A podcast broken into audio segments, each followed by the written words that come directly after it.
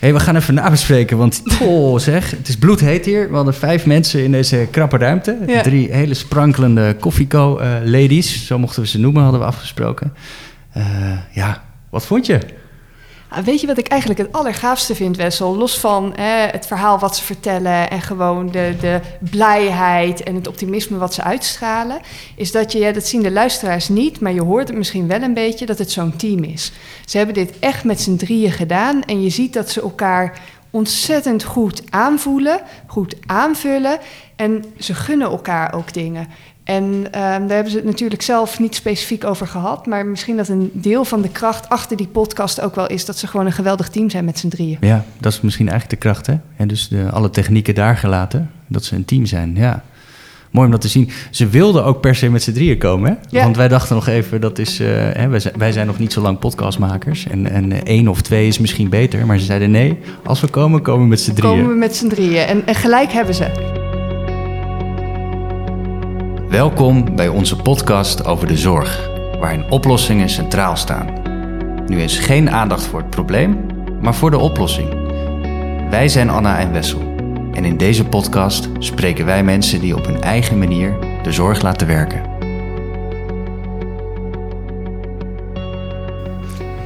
Welkom bij de tweede aflevering van De Zorg Laten Werken. En vandaag hebben we maar liefst drie gasten bij ons in de studio.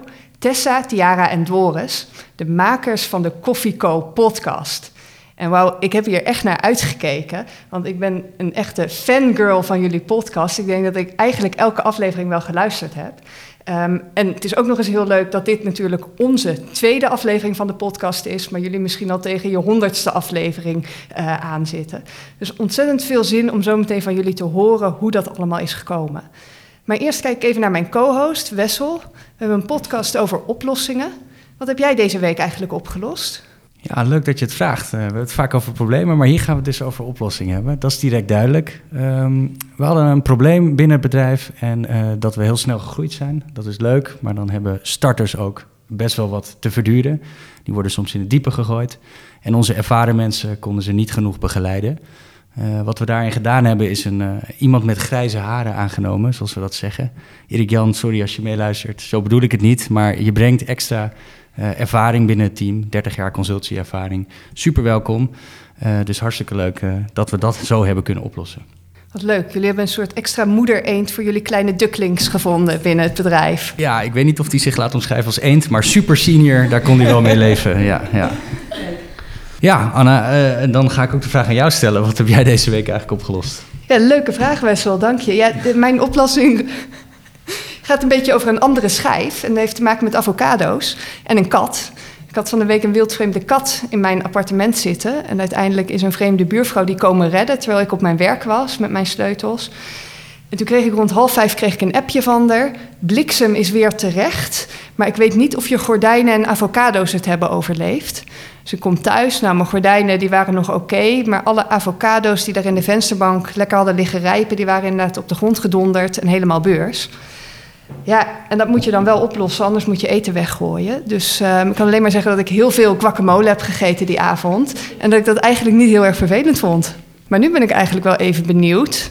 Tessa, Ja, wat heb jij eigenlijk opgelost deze week? Moet ik dan ook zeggen dat het een leuke vraag is, eh, Anna, om het, eh, om maar meteen goed te beginnen. Wat heb ik vandaag opgelost? Nou, niet per se deze week, het gebeurde eigenlijk net al. Ik reed hier naartoe in de auto, die zat naast me. En op een gegeven moment gaat er een rood lampje branden. We maken een podcast, we weten niks van auto's, we doen geneeskunde. En ja, toen dachten we toch eventjes van, gaan we nou doorrijden? We komen anders namelijk te laat. En dan zit je toch even met een probleem. Toen heeft T even de, de handleiding gezocht. Die zat rechts voor een dashboard, hè, dat was top. T is namelijk ook de, ehm, de technische van ons drie. Dus ze zat meteen de juiste zat in de auto, sorry door. en nou, eigenlijk was ze er al best wel snel achter dat het waarschijnlijk de motorolie was. Zijn we naar de pompstation gereden. En toen hebben we gewoon eens aan een lieve, uitziende man gevraagd van... Goh, kunt u eens eventjes onder onze motorkap kijken? En dat is gebeurd. En binnen no time uh, waren we on the road. En uh, waren volgens mij maar vijf minuten te laat, hè Wessel? Ah, ik vond jullie niet eens te laat. Want ik nee? vind vijf minuten gewoon, dat heb ik niet eens door. Dus, dat, uh, dus ik dacht, ja. van waar dat appje. Maar leuk om te horen waar het vandaan kwam. En de strekking ja. is eigenlijk, vraag dan om hulp. Dat was eigenlijk onze oplossing. En dan een beetje vrouwelijke charme in de strijd gooien. En dan kom je vaak ook een heel eind. Daar is Tessa heel goed in, hoor. ik geloof het meteen hey dames, dit is hè, wat we al zeiden natuurlijk een podcast over oplossingen. En we zijn heel blij dat jullie hier zijn, want we vinden dat jullie een geweldige oplossing hebben. De Koffieco podcast. Maar misschien moeten we even beginnen met voor welk probleem jullie podcast nou eigenlijk de oplossing was. Uh, welk probleem? Nou ja, voor de, voor de luisteraars die geen idee hebben wie wij zijn. Wij zijn dus drie geneeskundestudenten. En uh, iedereen weet dat de studie geneeskunde zes jaar lang duurt. En wij zaten eigenlijk met het probleem van, oh, zes jaar. We zitten nu al op drie jaar zaten, maar we wisten eigenlijk nog niet heel goed waar we voor zouden kiezen. Wat houdt een bepaald specialisme nou in? Ik weet er eigenlijk nog helemaal niet genoeg van. En in, eh, ja, tijdens de kooschappen durf je niks te vragen, of vanwege de hiërarchie, of er is te weinig tijd. Dus toen zaten we van, ik wil gewoon eigenlijk een kopje koffie drinken met zo'n specialist. En echt alles vragen en de echte verhalen horen. En niet alleen maar de mooie dingen. Dus zodoende dachten we, nou, misschien moeten we dat maar opnemen. En uh, kunnen we dat misschien met meerdere mensen delen, zodat meer mensen misschien uh, daarachter kunnen komen wat zo'n specialisme echt inhoudt. Dus ons probleem was eigenlijk dat we niet genoeg wisten.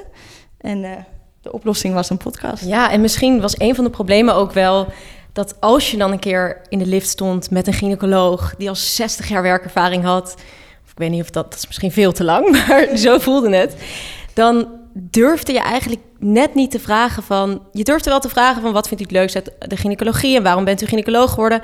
Maar eigenlijk zou ik willen vragen... Hoe zijn die nachtdiensten? Vooral na zoveel jaar in het vak. Verveelt het niet? Heb je nooit spijt? Is het niet soms te zwaar? Dat soort vragen durfden wij tijdens ons kooschap eigenlijk niet te stellen. En als je ze dan een keer stelde, dan werd specialist gebeld. Of dan, ja, het is toch altijd heel druk in het ziekenhuis. Dus de oplossing daarvan was eigenlijk trek ze uit het ziekenhuis. Met onze podcast wilden we ook echt gesprekken voeren buiten het ziekenhuis. Hey, en neem me heel even mee, hè? want nou ik ben zelf natuurlijk ook ooit co-assistent geweest. Wessel ook in een ver verleden. Um, je, hebt, je een hartstikke drukke studie. Je hebt een super vet idee. Hoe, hoe pak je dat aan? Waar begin je met zoiets? Door gewoon te beginnen. ja, dat was het eigenlijk. We zaten met elkaar op de bank en we waren ook hele goede vriendinnen. Um, en toen hebben we gewoon heel veel mensen gevraagd van hoe kunnen we dit doen? En vooral heel veel hulp gevraagd. Um, en eigenlijk begon het balletje daar heel snel te rollen. En hoefden wij heel weinig te doen, omdat wij geloofden echt in dit idee. En we wilden dit heel graag doen. En toen gingen daar heel veel deuren voor ons open. En dat is misschien soms nog de fout, dat je dan met veel mensen gaat praten en allerlei dingen gaat bedenken, maar dan kom je niet tot actie. En ik denk dat dat iets is wat we heel snel hebben kunnen doen, waardoor het dus ook heel snel is gegroeid. En vooral omdat we een van de eerdere podcasts waren, in ieder geval de meeste, um, sloeg het snel aan. En dat was leuk om meteen ook resultaten te zien van je idee. En heel even, want jullie zeiden, we gingen het eigenlijk gewoon meteen doen. Neem ons eens even mee, die eerste opname van jullie allereerste podcast. Hoe was dat? Ja, dat is een hele goede vraag, Anna. het meteen doen begon voor ons eigenlijk met één, denk ik wel, cruciale stap. En dat is, los van dat we het met elkaar veel besproken, het uitspreken naar iemand die we niet kenden. En dat was in ons geval uh, iemand op de Hogeschool van Journalistiek. Want wij dachten, daar moeten we zijn. Daar zitten mensen die weten hoe ze moeten interviewen, die apparatuur hebben. En toen we dat hadden gedaan, ging het, konden we niet meer terug. Toen was het uitgesproken, ik was out there. En, um, toen moesten we wel. Toen moesten we wel. En denk drie maanden later, intussen werkten we aan, aan een logo, aan een mailaccount. Dachten we dat het belangrijk was om de domeinnaam te claimen. Uh, überhaupt een naam voor de podcast, hebben we ook nog even over gedaan. Daar hebben we heel veel avonden over gedaan, ja. Maar ze vroegen naar het eerste interview, jongens. Ja, maar voordat het eerste interview plaatsvindt, is er voor ons al heel veel tijd overheen gegaan voordat je dat ook echt gaat doen en durft. En Hoe, ja, hoeveel tijd vraag ik me af? Want je zegt wat ons onderscheiden is dat we snel tot actie kwamen. En, en, en nu hoor ik toch een soort aanlooptraject. Ik ben wel benieuwd, hoe, hoe lang was dat aanlooptraject? Nou, ik, denk, ik denk twee maanden of zoiets. Maar om het hele plan te doordenken en hoe we het gingen doen en apparatuur bekijken. Toen waren er nog heel veel weinig mensen om ons heen die een podcast maakten. Dus niet, niet iedereen konden we opbellen van welke apparatuur hebben we nodig. Dus dat heeft wel twee maanden geduurd. Met gewoon bijna elke dag wel brainstormen. Hoe wil je het aanpakken? Hoe gaat het script eruit zien? Hoe gaan we het vormgeven? En toen zijn we wel begonnen gewoon eigenlijk best wel snel. En daarna zijn we nog gaan fine-tunen. Dus na de eerste zijn we gaan fine-tunen. En hadden jullie de naam voor de eerste opname? Of Ja, dat wel? hadden we wel. Ja. Dus, oké. Ja, en toen kwam de- het eerste interview. Ja, ja, ik begin meteen te lachen als, we, als dit komt. Het was zo ontzettend spannend. We zaten er met z'n drieën. We dachten echt, waar zijn we aan begonnen? Wat doen we hier? En ja, ik ga meteen weer in die energie. Het was zo spannend. Wie, wie was jullie eerste gast? Dat was eh, Andy Hoepelman, infectioloog. Ook meteen wel echt een figuur. Ja, hè? Dat een is echt figuur, wel een heel be- bekend bij ons op de studie.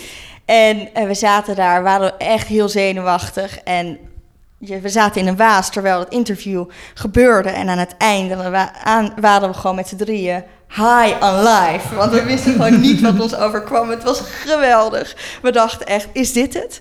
Wat, wat, waar zijn we mee begonnen? Dit is te leuk. En we wilden alleen maar meer. Dus dat was echt fantastisch. Ja. En, want jullie hebben natuurlijk inmiddels heel veel verschillende gasten gehad. Ik ben eigenlijk wel benieuwd waar jullie nou die gasten elke keer vandaan halen. En ook waar jullie die eerste gast, waar jullie Andy Hoepelman vandaan hadden gehaald. In het begin kenden mensen ons nog niet. Dus dan moet je wel overtuigen. Dus we hadden ook een soort van elevator pitch ge- geoefend. Van als we een leuk iemand hebben op college, dan stapt één van ons drie stapt erop af. Dan moet je zo helemaal naar voren lopen, weet je wel. Best wel spannend. En dan moet je gaan praten met zo iemand en hem of haar overtuigen van überhaupt wat is een podcast, Eh, waarom maken we dit en heb je misschien tijd in je agenda om een keer langs te komen. Dus in het begin hebben we wel echt moeten overtuigen, Nou, maar timide, ja, aan het begin. in het, in- nu inmiddels. eh, En waarom denken jullie dat, eh, dat de specialisten zo graag wilden meewerken? Kennelijk hadden jullie iets aangeboord. Wat was dat? het is een hele goede vraag trouwens, want ik heb er eigenlijk nog nooit zo bij stilgestaan. Waarom willen zij nou meewerken? Ik denk ten eerste dat eh, enthousiasme eh, enthousiasmeert anderen ook. Dus wij kwamen ook wel altijd heel met een heel erg enthousiast verhaal. Maar daarnaast denk ik dat soms specialisten zelf ook heel erg druk zijn en geen tijd hebben om te reflecteren. Dat horen dan ook heel vaak terug naar onze interviews van... wauw, dit was voor mijzelf ook een moment waarop ik kon terugkijken op mijn hele loopbaan... waarop ik dingen op een rijtje heb gezet, waarop ik op inzichten ben gekomen. Dus ik denk dat het voor dokters soms heel erg fijn is om ja, een stukje te reflecteren. En, en te laten zien dat ze ook mensen zijn, denk ik toch? Ja. Ja, absoluut. Want dat zijn ze dus echt allemaal stuk voor stuk. En soms als co-assistent kan je het gevoel hebben dat iemand heel ver boven je staat. Dat is ook zo, de hiërarchie is er voor een reden. Maar uiteindelijk zijn het dus allemaal mensen die graag ook hun kennis willen overdragen... en echt ons beter willen maken. En dat was wel een van de grote inzichten die ook wij hebben gekregen... door dit te maken met elkaar. Ja, weet je, wat ik me, en dat eh, vraag ik me als luisteraar al heel lang af, want dan zit ik naar jullie podcast te luisteren en dan hè, naar dat gesprek en dan stellen jullie van die zulke goede, rake vragen. Hebben jullie dat ergens geleerd of is dat iets wat jullie van nature heel erg hebben? Ik bedoel, als je al zo kan interviewen, dan, eh, dan zullen jullie anamneses ook wel goed zitten, denk ik. Ja, dat interview dat hebben we eigenlijk vanaf het begin af aan echt heel erg serieus genomen. Dus waar we een snelle start wilden maken, wilden we ook een goede start maken. Dus eh, we hebben ons sowieso verdiept in de YouTube tutorials How to Interview. Maar een van onze eerste gasten, Casper van Koppenhagen, een hele goede revalidatiearts, die heeft ons na het interview aangeboden om met hem een interviewcursus te volgen bij eh, Colette van der Ven, een, eh, nou, iemand met een enorm eh, tv-cv. Dus die heeft ons eh, de skills van het interviewen weten bij te brengen. En we hebben ons daarna eigenlijk altijd, ja, we zijn ons altijd blijven verdiepen en hebben altijd oefeningen met elkaar blijven, of zijn altijd oefeningen met elkaar blijven doen. ehm, om, ja, om toch de diepte in te gaan. Waar je soms in de amnese juist een beetje, wat helemaal niet de bedoeling is, maar waar je soms door tijdsnood toch veel dichte vragen gaat stellen. Oké, wat is uw pijn nu op een schaal van 1 tot 10? Dat is echt een enorm dichte vraag. Is het bij Koffieco juist die open vragen, de wat, waarom, hoe dan? En En, Dat- zij, en zij leerde ons om naar ieder, in iedere zin naar het kernwoord te zoeken. Het woord met de meeste lading.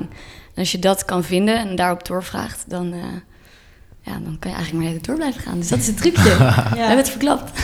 Maar het leuke is dat het wel elke keer een uitdaging blijft. Dus er zit elke keer een heel ander persoon voor je. En met, ja, met iedereen heb je toch een andere klik of flow.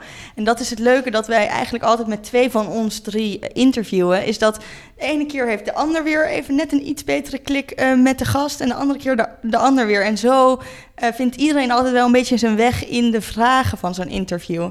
En dan leer ik weer, bijvoorbeeld zit ik met, met Doris, die nu ook naast me zit, en dan zit ze zulke mooie vragen te stellen. En dan leer ik daar weer van haar van. En dat was laatst zelfs nog gebeurd. Dus dat is, dat is wel echt heel leuk om zo te, door te blijven groeien. Ik heb net een goede tip gehad dat je het kernwoord uit de zin moet halen. En ik hoorde jouw lading zeggen. En toen dacht ik, dat is iets, iets wat opvalt. Wat is, wat is voor jou lading? Wanneer zit er in dat gesprek iets wat jou, wat jou raakt en wat je dus uh, opneemt?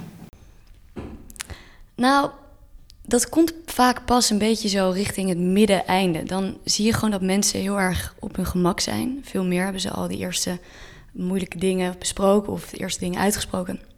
En dan gaan mensen vaak toch iets meer achterover zitten en iets meer dingen vertellen die voor hen belangrijk zijn. Dus ja, wat is lading? Gevoel. Uh, je ziet het soms even veranderen in hun gezicht. Een soort twinkeltje als ze het over hun kinderen of familie hebben, maar soms heel vaak juist ook over wat ze doen. En daarop moet je echt doorvragen. is dat een beetje een antwoord op je vraag, Wesley? Ja, mooi antwoord, ja. ja. Wat zijn de naar welke aflevering zeg maar, kijken jullie terug als de mooiste aflevering? Of het, hè, waarbij misschien het meest bijzondere moment ter sprake kwam? Ik weet niet of dat één aflevering voor jullie is hoor. Maar wat, wat staat jullie nou bij na al die afleveringen die jullie inmiddels hebben gemaakt? Het is altijd moeilijk kiezen, want in ieder interview zit wel iets wat, uh, wat ons ook een, gewoon een, bijzonder gevoel geeft. Maar ik denk dat een van de dingen, of één interview wat ons echt is bijgebleven is het interview met Mark Buijs-Roege, uh, chirurg was hij in het UMC. En ik zeg was omdat hij best wel kort nadat we dat interview hadden opgenomen met hem, is hij overleden. En dat was wel een moment waarin wij heel erg ons realiseerden dat het echt een portret is wat we maken van mensen. Want zijn familie heeft ons bedankt dat we dat hebben gemaakt. En ook voor zijn kinderen later uh, zie je en hoor je echt hoe hij was zo vol sprankeling en kon zo leuk vertellen. En zijn daarna zelfs nog een biertje met hem gaan drinken in de zon. En dat was gewoon echt een topdag. En uh, een heel mooi interview waar we denk ik heel trots op zijn. Dus dat, en toen realiseerden we ons, oké, hier moeten we echt mee doorgaan. Dat je echt wat maakt, bedoel je, en eigenlijk wat nalaat ook voor andere mensen en voor uh, wat jullie zelf maken. Ja, vlak daarna, nou ja, daar grapten we niet over. Maar daarna heeft het mezelf ook aan het denken gezet van... moet ik niet mijn familie achter die, uh, achter die microfoon sleuren? Uh, en mijn eigen vader is ook dokter. Daarvan kan ik nu met hen een interview ook hebben. En, en, Tessa, ik kijk nu naar jou, die heeft dat ook echt gedaan. Omdat het dus echt een reflecterend iets is. En je hebt, laat echt iets achter. En je kan later terugluisteren van... wauw, dat, dat is er allemaal gebeurd. Dus dat is wel echt heel erg leuk, ja. En jullie noemden net al hè, dat, dat de reden dat zoveel mensen ook graag te gast zijn bij jullie, of tenminste dat zien wij ook, dat ze zich bij jullie op je gemak voelen, dat jullie hè, veel energie steken in het goed interviewen en een mooi verhaal laten vertellen. En op de een of andere manier is dat concept ook goed aangeslagen, hè, want er wordt veel geluisterd naar jullie podcast. Maar hoe is dat gekomen? Is dat succes in één keer gekomen of hebben jullie daar echt veel tijd en moeite in moeten steken? Als ik heel eerlijk ben, uh, zijn, zijn we deze podcast echt begonnen uit eigen motivatie, uit eigen initiatief, eigenlijk een beetje voor onszelf als co-assistenten. Um, en dachten we, nou, als er twintig anderen meeluisteren, onze werkgroepgenootjes en uh, nou ja, onze, uh, onze ouders en familie, dan zijn wij tevreden. Maar um, ik denk dat het in het begin heel erg mond-to-mond -mond is gegaan. Dus werkgroepgenoten die het aan elkaar hebben verteld. En um, wat ook helpt, is als je een professor of, of een professor of een dokter interviewt, dat die het zelf ook wel gaat verspreiden. Want de meeste mensen zijn ook wel trots op hun interview. Dus zo is het in het begin gegaan. En daarna zijn we ook wel de publiciteit bewust wat gaan opzoeken. Omdat wij zelf ook trots waren op onze interviews. En ook beseften dat wij er zelf heel veel aan hadden. En dat andere co-assistenten er ook veel aan zouden kunnen hebben. Dus toen, ja, toen zijn we wel uh, de universiteit gaan mailen. En ja, de wc-krant hebben we opgezocht. Er zijn toch van die kleine dingetjes. Ja. ja. ja. En wat hebben jullie er dan precies aan gehad? Wat we eraan hebben gehad, ik denk dat het een hele waslijst is. Daarom is het misschien een beetje moeilijk uh, te beantwoorden. Maar uh, allereerst als je gewoon kijkt naar de podcast zelf, is het nou, ik heb geleerd een, een bedrijf te runnen. Uh, dat zijn hele praktische zaken. Ik heb heel veel mensen leren kennen. Ik heb heel veel connecties gemaakt. Maar ik denk dat het me als mens heel veel heeft geleerd qua levenslessen die ik heb meegekregen. Om zoveel levensverhalen van uh, dokters te horen. En dat, ja, dat mensen eigenlijk heel veel uh, bijzondere dingen met je willen delen. Dat, dat zet je gewoon aan het denken. En daar leer je zo ontzettend veel van. Dus dan lig ik s'avonds in bed en dan denk ik... nou, dit heb ik weer geleerd. Hier, hier, dit ga ik morgen weer implementeren. En dan, ja, zo gaat het eigenlijk bij elk interview. Dus als ik naar mezelf kijk, is dat het overkoepelende thema. Ja, ik kan eigenlijk niets daarop aan te merken. En is het probleem daarmee dan ook opgelost? Het probleem eigenlijk dat jullie niet goed zicht hadden op wat die specialisten eigenlijk eh, doen in hun vak? Hebben jullie dat kunnen oplossen? Nou, in zekere zin wel. Want ik denk, en dat krijgen we ook vaak terug van mensen. Soms krijgen we een mailtje van: Ik weet nu zoveel beter wat uh, het inhoudt om. Nou, medisch microbioloog hebben we bijvoorbeeld niet gedaan, maar zo ook een wat minder bekend specialisme uh, in, in een goed daglicht te zetten. Dus ja, je leert veel beter wat het inhoudt. En ik denk dat heel veel mensen daar dus wat aan hebben, niet alleen wij. En een ander probleem dat ik een beetje uit jullie introductie filterde, was niet zozeer we weten niet wat de specialisten drijft en welke keuzes we moeten maken, maar we durven het vooral niet te vragen. Dat was ook een probleem dat jullie. Uh, zijn jullie daar makkelijker in geworden? Loop je nu makkelijker in het ziekenhuis even, zullen we koffie drinken? Vertel me eens, wat houdt je bezig? Absoluut. Aan de ene kant zijn we denk ik makkelijker daarin geworden en heeft het ons zoveel gebracht dat de kleine drempel die je over, er overheen moet om mensen iets te vragen. Um, die ga je gewoon, daar ga je zoveel makkelijker overheen. Omdat we weten dat er soms zulke mooie oplossingen en antwoorden kunnen komen.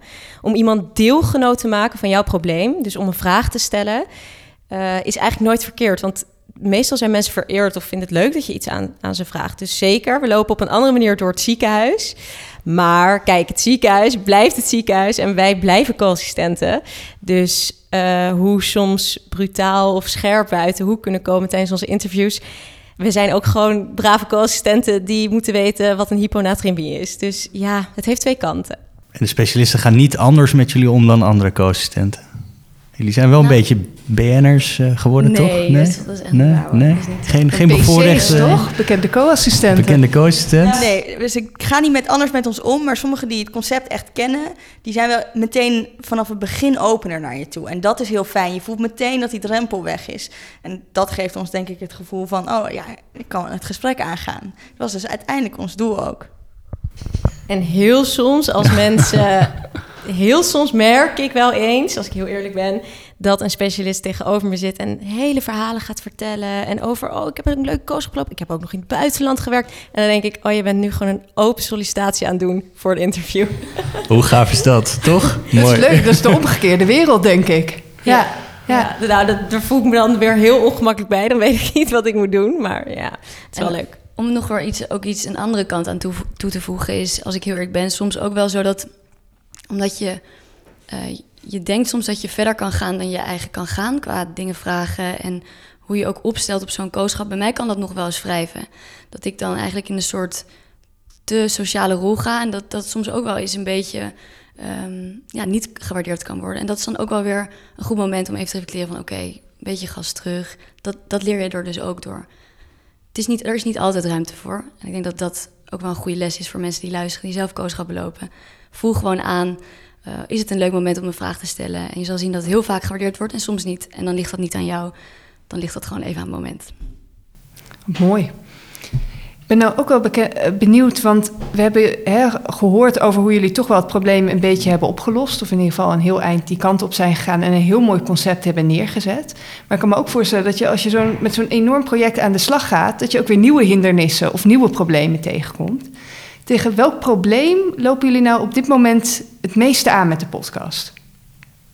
Ja, dit is ook weer een hele waslijst van problemen. Want soms voelt het als één groot probleem als je je kooschappen loopt en je krijgt allemaal mailtjes binnen. En nou, dan kan de stress ook nog wel eens hoog oplopen.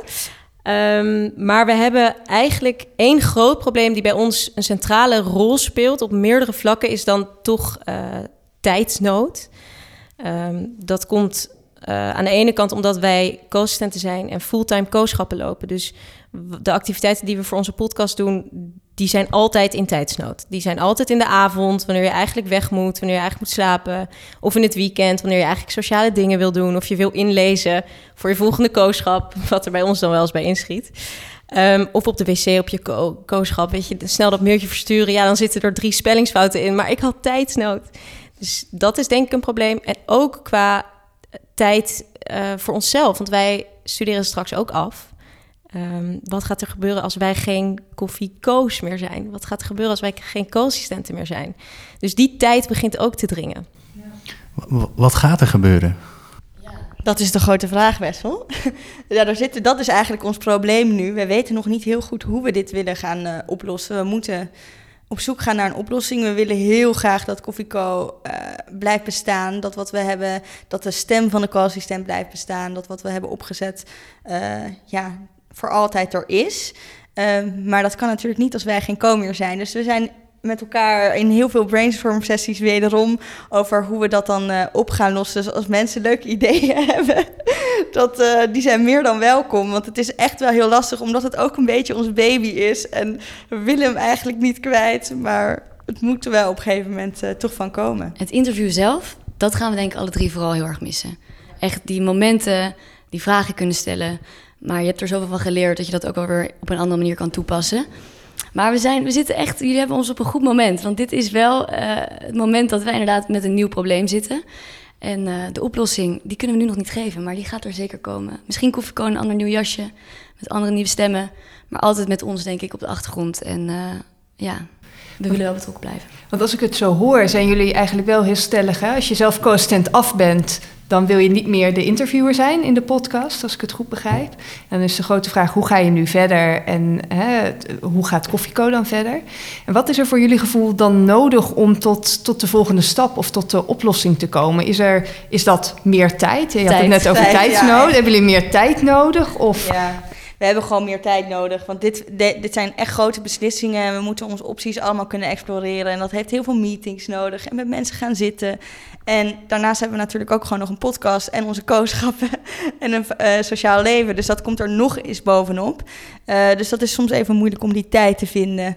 Ehm, en ik denk eigenlijk ook dat we het zelf tijd nodig hebben om het te accepteren. En dat is daarom het misschien nog ietsjes langzamer gaat. Accepteren dat het misschien op een gegeven moment wel klaar is? Ja, ja. Nou ja, kijk, op een gegeven moment, wij zijn straks co-assistent af. En hoe graag ik ook wil blijven koffiekoen en die domme, naïeve en grappige en jonge, frisse vragen wil blijven stellen. Ik vind dat niet integer om te blijven doen. Ik vind eigenlijk dat dat stokje, dat vinden we alle drie, moet echt vanuit de co komen. De co moet een brug kunnen hebben naar een specialist. En dat is misschien één co of twee co's achter de microfoon. Maar het moet de stem van de co's blijven die een veilige haven hebben om naar te kunnen luisteren. Ja. Kijk, jullie hebben ook eh, sinds kort medewerkers, dat, weet ik toevallig. En eh, zijn dat dan ook mensen die misschien wel jullie voetsporen gaan treden? Of hoe zien jullie dat voor je? Ja, zeker. Nou, we hebben natuurlijk. eh, het belangrijkste is toen wij medewerkers gingen aannemen, dat wij mensen aannamen met dezelfde mindset. Met dezelfde gevoel voor Koffieco, met hetzelfde hart voor Koffieco. ehm, eh, Energie. En dezelfde energie. eh, want het kost gewoon heel veel tijd. En we hebben die mensen gevonden. Dus dat was echt fantastisch. En, die, en zij zijn ook nou, bij ons in de redactie. Dan zitten Eva en Mare.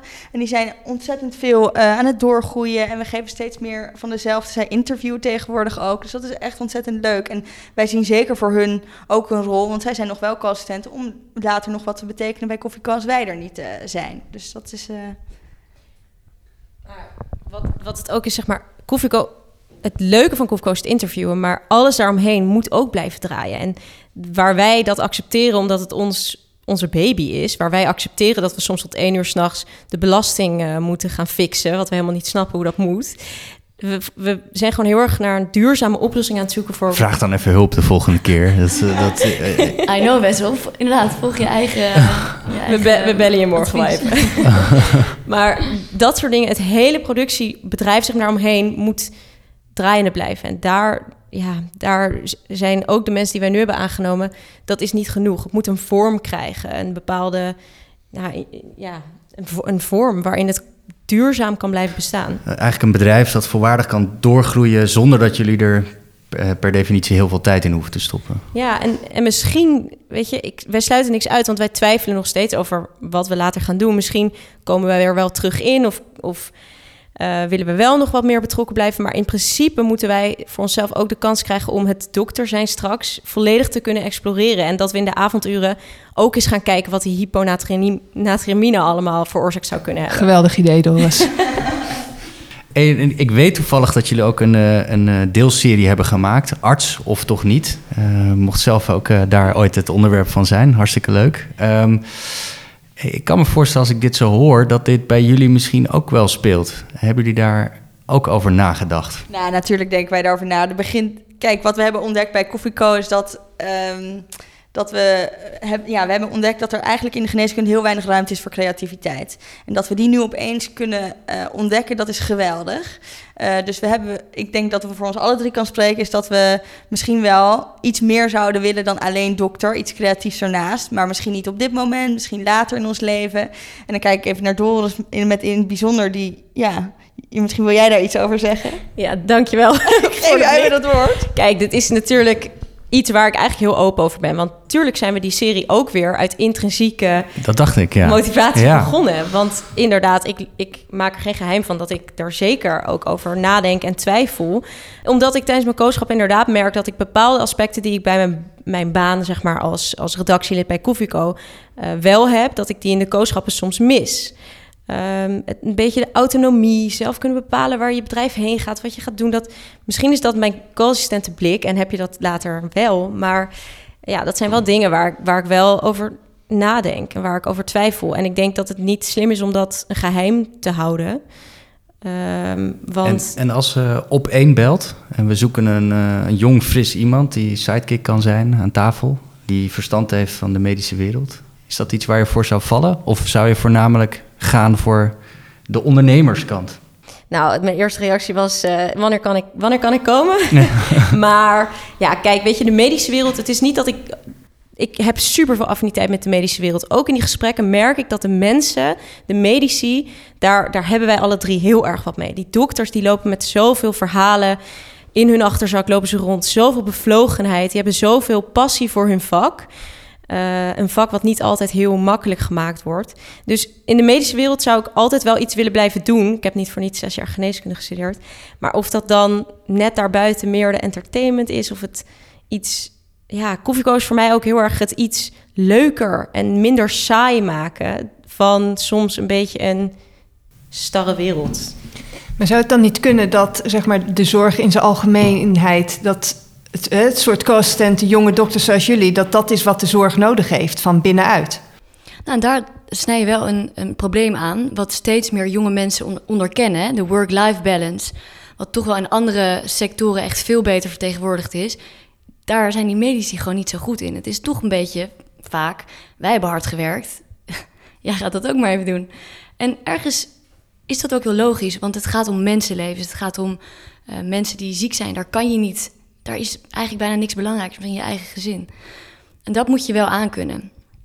En ik denk dat we dat wel onbewust weten. Maar toch zou er wel iets meer aandacht voor moeten zijn. Maar Ons denk- inziens. Ja, maar ik denk dat er wel al wel wat, wat aan het veranderen is. Als ik heel eerlijk kijk naar de oude garde in het ziekenhuis versus de jongere garde, waar wij dan ook binnenkort bij gaan horen, dan merk je dat zij er wel al eh, veel meer open tegenover ons staan en ook op een andere manier met ons, noem ik dan de co-assistenten, met ons omgaan. Dus er verandert wel wat, maar ik denk dat het probleem is de enorme bureaucratie, de regelgeving die inderdaad komt kijken bij als het om mensenlevens gaat. En om dat te veranderen, natuurlijk moet het veranderen, maar daar zijn we denk ik nog wel eh, een paar jaar mee bezig. Maar dit is een stapje misschien. Hoe denken jullie daarover? Nou, ik wilde net opmerken dat, dat jullie eigenlijk wel bijdragen aan die verandering. Als ik er zo over na zit te denken, jullie een enorm bereik. En jullie halen ook vooral heel erg het gevoel naar voren in jullie gesprekken. Dus feitelijke vragen zijn er, maar het gaat vooral wat doet het met je als persoon en je gezin en eh, je geliefde. En dat vind ik heel erg mooi. En ik denk dat dat tien jaar geleden eigenlijk ondenkbaar was om een dokter aan te spreken op zijn mens zijn. Eh, dus dat hebben jullie denk ik echt veranderd. Eh, dus dat wou ik even tussendoor opmerken. Eh, misschien als ik daar kort op mag toevoegen, want het is wel leuk. We vervallen toch een beetje in de rol dat jullie ons weer gaan interviewen in plaats van andersom. Maar dat, dat, Ze dat, probeerden het, hè? Zag je dat? ze probeerden, maar we hebben door, Wessel. Ja, ja. Ze, ze, ons pakken ze niet, hè? Ehm, dat ik dan denk, kijk, de- en eh, jullie zijn alle drie natuurlijk eh, hartstikke wijs en inmiddels ervaren genoeg om dan zelf een carrièrepad te kiezen binnen of buiten de zorg. En zelf denk ik dan als dokter, dan denk ik van, oh, ik hoop zo dat jullie wel ook iets binnen de zorg blijven doen. Want volgens mij is het juist dat verfrissende van mensen die het anders willen, wat we nodig hebben in de zorg. En als al die mensen inderdaad de zorg uitgaan of iets anders gaan doen uit frustratie, dan gaat de zorg ook niet veranderen. En dat is, dat is lastig, want dat is ook niet een verantwoordelijkheid die je bij hè, een individu kan leggen.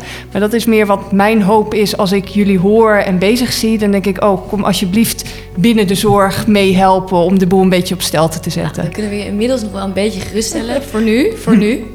Want we willen alle drie gewoon dokter worden, die geneeskundestudie afmaken, werkervaring opdoen en echt voelen wat dat vak is. Dus voorlopig, Anna, zijn we er nog wel eventjes hoor. Nou, en misschien is die geruststelling ook een uh, mooi punt om een einde te maken aan deze tweede aflevering van de podcast De Zorg Laten Werken. Maar misschien willen jullie nog wel een laatste geluid aan de luisteraars laten horen. Een laatste geluid? Dan moeten we eigenlijk. Nou, eigenlijk in onze eigen podcast sluiten wij altijd af met een uh, kleine tip. Dus misschien is het leuk om een keer vanuit ons een uh, kleine koffiecode-tip uh, te geven. En dat was eigenlijk waarmee we starten. Het probleem waar nou, Tessa en ik in de auto vandaag tegenaan liepen. En um, hoe hebben we het opgelost? Door te vragen en durf te vragen. En dat is denk ik het allerbelangrijkste waar ik persoonlijk heel veel moeite mee had. Nog steeds niet heel goed in. Maar ik heb wel gemerkt dat door te durven vragen kom je zo ver. Dus uh, voor de luisteraars ook echt ontzettend uh, knoop me in je oren. Het is echt een ontzettend handige tip. Hartstikke goed. Als je iets niet weet, vraag het. Als je niet weet hoe je iets moet, vraag om hulp. Een prachtige tip om mee af te sluiten.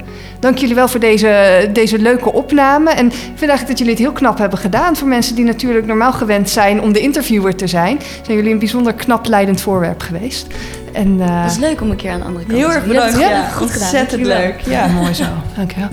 Dat was hem alweer. De tweede aflevering van De Zorg Laten Werken. Wij zijn behoorlijk onder de indruk geraakt van deze drie ondernemende dames en hopen dat er nog veel geneeskundestudenten in hun voetsporen zullen volgen. Heb jij ook genoten van deze podcast? Deel de aflevering dan vooral ook in jouw eigen netwerk om deze positieve energie te verspreiden. En als je de volgende aflevering van De Zorg Laten Werken niet wilt missen, abonneer je dan ook vooral op onze podcast. Tot de volgende.